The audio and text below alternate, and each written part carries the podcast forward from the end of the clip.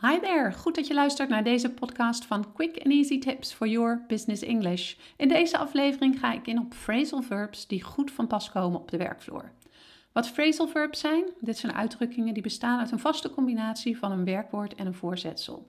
Denk bijvoorbeeld aan to listen to music of to find out about something. Na het luisteren van deze podcast weet je er alles over. Mijn naam is Anneke Drijver van Improve Your Business English en de auteur van het boek Master Your Business English: Communicate with Power in 7 Simple Steps. Ik help ondernemers en doelgerichte professionals van hun middelbare school Engels af, zodat zij ook internationaal met impact en vol zelfvertrouwen in het Engels kunnen communiceren.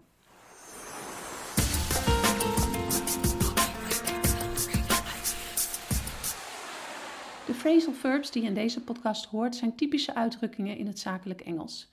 Ik weet niet of je voor deze podcast wel eens van phrasal verbs hebt gehoord, maar als je druk bezig bent met het verbeteren van je Engels, heb je ze gegarandeerd wel eens voorbij horen komen.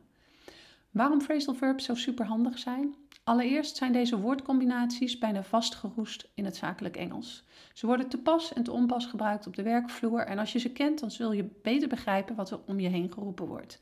Daarnaast bevatten deze woordcombinaties altijd een voorzetsel. En voorzetsels zijn nu eenmaal lastig, want je gebruikt telkens andere voorzetsels. En voorzetsels hebben vaak meerdere betekenissen en je moet ook nog onthouden welk voorzetsel ook alweer bij welk woord, werkwoord hoort. Je bent daarom al een heel eind als je de phrasal verbs goed kent. Je kunt ze dan gebruiken zonder erbij na te denken en je kunt teksten schrijven zonder dat je telkens op Google moet checken welk voorzetsel ook alweer bij je werkwoord hoorde. Wat het lastige aan phrasal verbs is ook, als je ze eigenlijk niet goed kent, gaat het al snel fout. Je spreekt gebrekkig Engels en dat kan onprofessioneel overkomen. Je kunt het vergelijken met iemand die in het Nederlands een zin maakt als: Ik heb vandaag een afspraak naar een klant in plaats van ik heb vandaag een afspraak met een klant. Goed, ik denk dat je nu wel een beetje een beeld hebt over het belang van phrasal verbs. In deze podcast hoor je 10 werkwoordcombinaties die een handje helpen bij je zakelijk Engels. De eerste combinatie is to draw up. Deze uitspraak wordt vaak gebruikt bij het sluiten van deals of het maken van belangrijke afspraken. Het gaat hier namelijk over het opstellen van een contract of overeenkomst. Je gebruikt deze uitspraak als je samen een document opstelt en deze volgens ingeschreven vorm zet. If he agrees with the last final changes, we are ready to draw up the contract. Nummer 2 is to get ahead.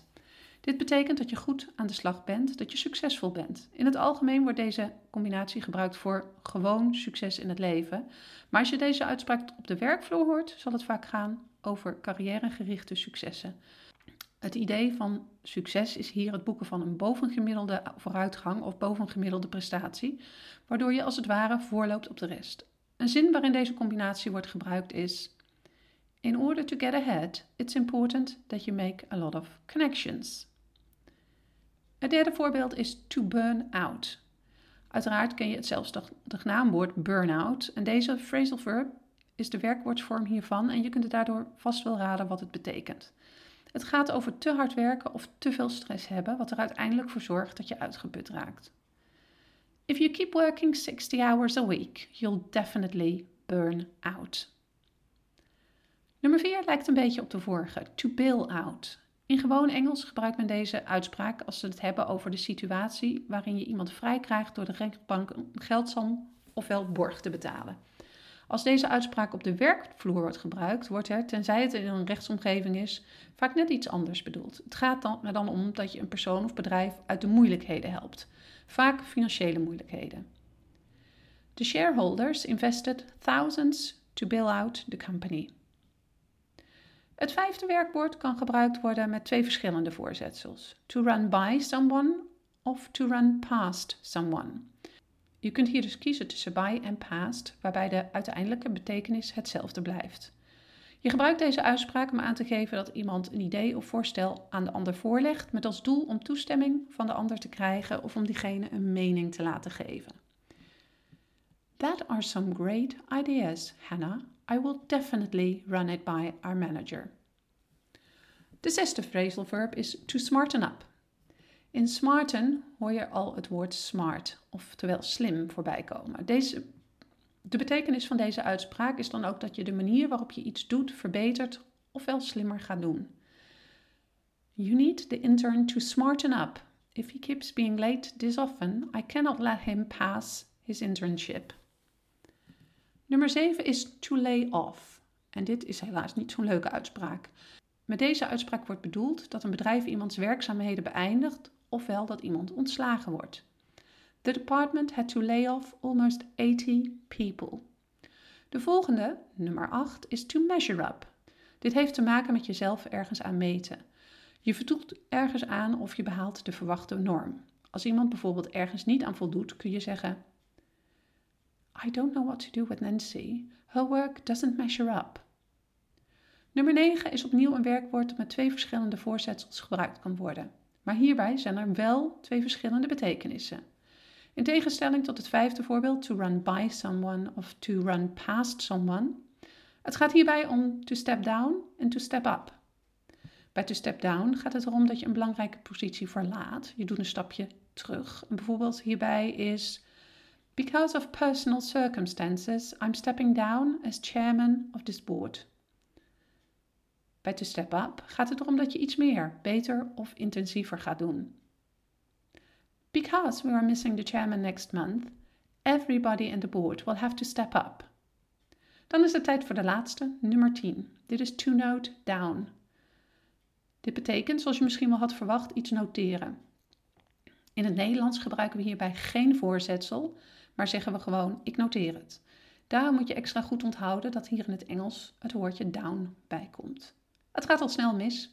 De voorbeeldzin die hierbij hoort is: I will note down your question and give you an answer within two days. Dit waren 10 voorbeelden van phrasal verbs die je regelmatig tegenkomt in zakelijk Engels. Ik zet ze nog één keer voor je op een rijtje, zodat je nog een laatste keer kunt checken of je de werkwoorden combineert met de juiste voorzetsels. To draw up. To get ahead. To burn out. To bail out to run by someone or to run past someone, to smarten up, to lay off, to measure up, to step down and to step up, to note down. Wil je meer weten over phrasal verbs? Op ons blog vind je een heel aantal artikelen met phrasal verbs voor zakelijk Engels. Je vindt de link er naartoe in de beschrijving van deze podcast. www.improveyourbusinessenglish.nl Misschien is het sowieso goed om aan de slag te gaan met je zakelijk Engels. Als je nog onwennig Engels spreekt of het idee hebt dat je een stuk professioneler over zou kunnen komen als je vloeiender Engels spreekt, heb ik een goede tip voor je. Het boek Master Your Business English is er speciaal voor de professional. Het boek draait om zakelijk Engels en is een praktische handleiding die je kunt gebruiken om je Engels te verbeteren. Je kunt het boek bestellen via www.masteryourbusinessenglish.nl, ook te vinden in de beschrijving van deze podcast. Vergeet je ook vooral niet te abonneren op Quick and Easy Tips for Your Business English. En over twee weken verschijnt er weer een nieuwe podcast. See you next time met Quick and Easy Tips for Your Business English.